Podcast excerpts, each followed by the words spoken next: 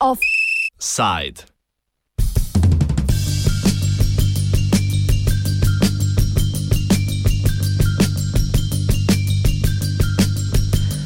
Varnost slovenskega medu.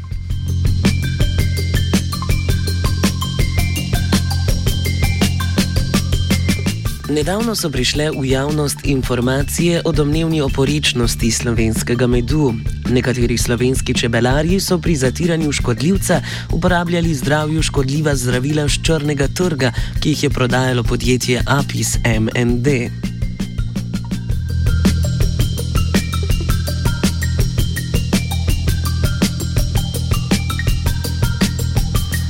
Slovenske čebelarje je razjarila izjavo direktorice inšpekcije za varno hrano, veterinarstvo in varstvo rastlin Andreje Bizjak, da je zaradi uporabe zdravila tretjina slovenskega medu sporna. In izjava Mirana Brvarja, vodje centra za zastrupitve Univerzitetnega kliničnega centra Ljubljana, ki je dejal, da je med čebelarjev, ki so uporabljali ta zdravila, treba izločiti iz prometa. Čebelarji naj bi zaradi tega utrpeli veliko poslovno škodo in so predsednico inšpektorata za varno hrano, veterinarstvo in varstvo, varstvo rastlin Andrejo Bizjak pozvali k odstopu. Na inšpekciji odgovarjajo, da je bila njena izjava vzeta iz konteksta.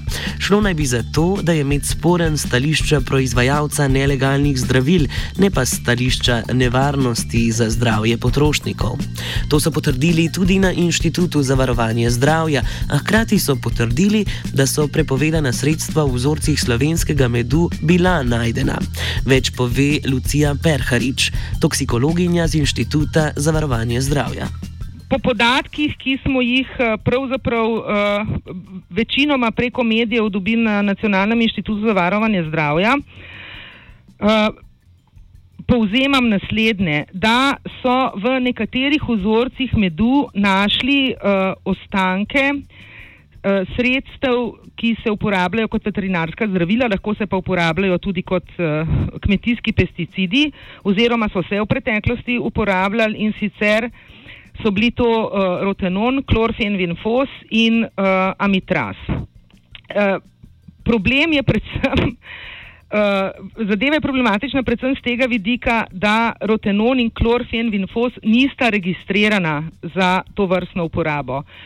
Zakaj nista bila nikoli registrirana, pravzaprav ni povsem jasno, zato ker se uh, snovi, ki so dovoljene za uporabo, morajo jeti čez eno zelo strogo sito. Uh, in mora predlagatelj, proizvajalec, uvoznik, kdorkoli pač predlaga registracijo, predložiti ogromno število študij, ki dokažejo, da je namenska uporaba lahko varna. Vendar so predlagatelji sami tekom postopka pred leti dve snovi, sicer rotenon in klorfenvimfos, sami umaknili iz tega postopka. Mi menimo, da ali zato, ker so ugotovili, da ne morejo zagotoviti dovolj nizko količino ostankov v živilih, ali pa zato, ker niso imeli popolnega dosjeja. Lucija Verharič nadaljuje s tem, kako se določi maksimalna dovoljena količina ostankov in razliko med tem in količino, ki predstavlja tveganje. In tukaj prihaja do enega ključnega nerazumevanja in nerazlikovanja med maksimalno dovoljeno količino ostankov in količino, ki predstavlja tveganje. Presežena uh, največja dovoljena količina ostankov največkrat ne predstavlja nikakršnega tveganja. Ampak, če je količina ostavkom presežena, seveda se lahko to živilo, ukolikor pravilnik tako določa, označi kot neprimerno za uživanje. In uh, žal mi je, da so se pojavile tudi informacije, da se največja dovoljena količina ostankov določa kar tako na palec, oziroma tako, kot se neki lobiji dogovorijo. To preprosto ne drži. Ker se v veliki večini največja dovoljena količina kemijskih snovi v živilih ali pa v vodi določa na podlagi poprej narejene ocene tveganja in pričakovane količine ostankov. Če ni možno zagotoviti tako nizke količine ostankov, da bi bilo živilo varno, se tako sredstvo sploh ne registrira. In pač tisti, ki izjavljajo, da se to kar takole za mizo eh, dogovorijo, ne poznajo postopka. Uh, je pa tu ne ravno pri medu, ampak pri ostankih recimo pesticidov v pitni vodi pa je ena izjema, kjer so se pa politiki v Evropski uniji v 90-ih letih dogovorili, da pesticidov v pitni vodi ne sme biti in so določili za najvišjo dovoljeno mejo v pitni vodi, zdaj govorim, količino ni celih ena mikrograma na liter, kar je takrat predstavljalo analitsko ničlo. Torej so z vidika varnosti postavili to mejo zelo nizko in to je bil politični dogovor, ampak je bil v prid potrošnikov, ne v škodo potrošnikov, kot se zdaj rado pojavlja. Uh, no, skratka, uh, ključna zadeva je, da očitno ne inšpekcija, ne določeni strokovnjaki ne ločijo razlike med tveganjem, nevarnostjo in uh, podlage, na, na podlage, na, na čemer temelijo največje dovoljene količine ostankov. Jernej Drufenik z Uprave Republike Slovenije za varno hrano, veterinarstvo in varstvo rastlin komentira delo inšpekcije in pozive k odstopu. Jaz bi samo povedal, ne, da kar se tiče iz tega naslova, a, a, te a, aktivnosti, ki jih je inšpekcija na tem segmentu a, a, vodila, je bil praktično ključen imenovalec vseh teh aktivnosti, pravzaprav proizvajalec tega ilegalnega zdravila. Mi smo ga v okviru inšpekcije odkrili, zasegli tudi določene, uh, določene kemikalije. V samem delovanju inšpekcije do zdaj nismo zaznali dobenih prekoračitev pooblastil, kar je osnovna naloga inšpekcije in iz tega naslova mi praktično smatramo to akcijo kot uh, uspešno, ker smo na nek način stopili na prste tistemu, ki je ilegalno določena zdravila proizvajal v Republiki Sloveniji. Tako da ne vidimo nekih tehnih razlogov, zakaj bi zaradi dela, ki je osnovna naloga inšpekcije, moral kdorkoli odstopati.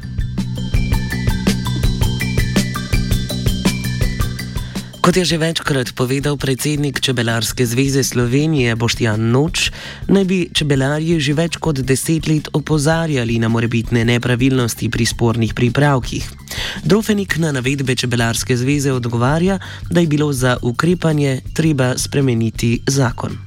Ja, zdaj treba biti uh, mal pozoren, glede na to, da se te preiskave nanašajo na določeno podjetje in mi v okviru inšpekcijskih nadzorov smo tega, to podjetje imeli že večkrat v postopku v preteklih letih. Res pa je, da smo šele s premembo zakona o uh, inšpekcijskem nadzoru dobili določena pooblastila ravnanja inšpekcije in smo lahko na ta način dejansko upravili v letošnjem letu hišno preiskavo pri dotičnem gospodu, kar prej ni bilo mogoče. Ta sprememba zakona se je pa naredila v letu 2014. Eden od razlogov, da so kmeti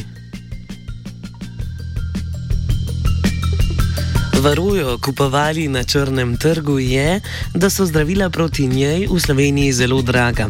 Čebelar Ivan Čopar o razlogih za visoke cene mi predvidevamo tako, da ker veterina ona ne uvaža, ampak uvažajo uvozniki, kateri so registrirani za ta zdravila, pač smo sredstva proti, proti tem stvarem. In tukaj je tam približno enih uh, 10 do 15 teh sredstev. In mi smo slišali, da vem, koliko je to res. Da pač tukaj ni konkurence, ampak ker so bili trije uvozniki, so se oni baje dogovorili, da bodo vsak po pet teh sredstev uvažali in da bo vsak bil pač tam gor, da se pridemo uh, maksimalno maržo, tudi do petkrat, tudi smo čuli tudi dvajsetkrat in tako naprej. In uh, tukaj je, je problem. Ker rečemo, mi vemo, da smo mi Slovenija mala, da tudi male količine uvažamo, ampak kljub temu ne mora biti to eno zdravilo 21 krat draže, kot rečemo na češkem, ali pa kar se jim trikrat do petkrat draže, kot je tudi v Avstriji ali na Mačarskem ali kakorkoli. In to so zdravila, ko so registrirane v Evropski uniji.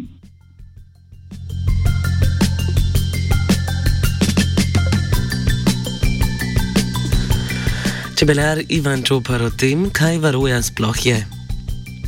Varuje je zajedavlec, vse spravim temu pol boha, pol cek ali pa klop, ker se prisesa na ličinko in pije kri. Uh, lahko tudi skoči tam cirka 7 cm, kot boha. Ne.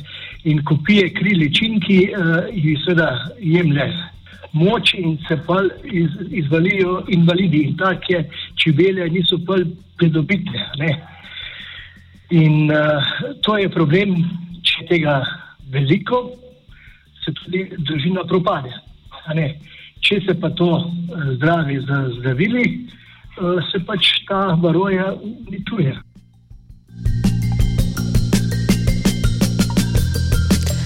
Odvaruje pa spet nazaj k politiki. Zelo podobni zgodbi smo bili priča pred leti, ko se je v mleku odkril antibiotik klor anfenikol.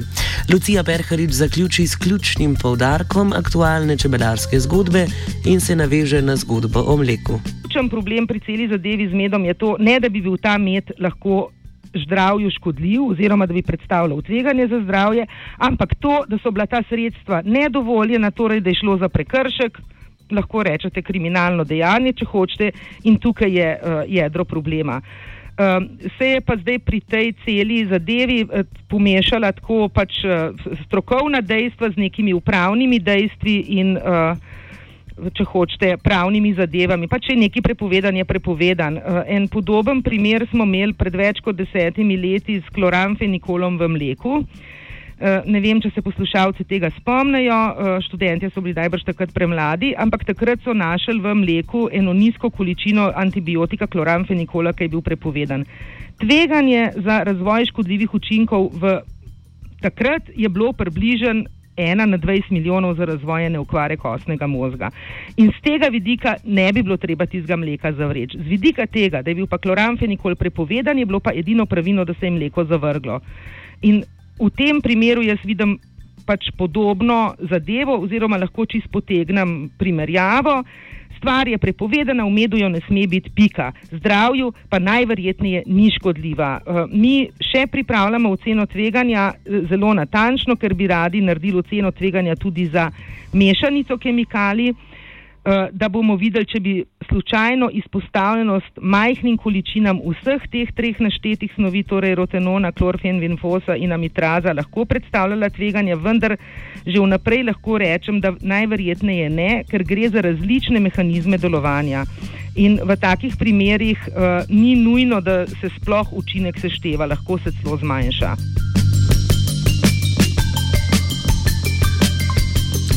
Offside sta pripravila vajenec Vid in noveli.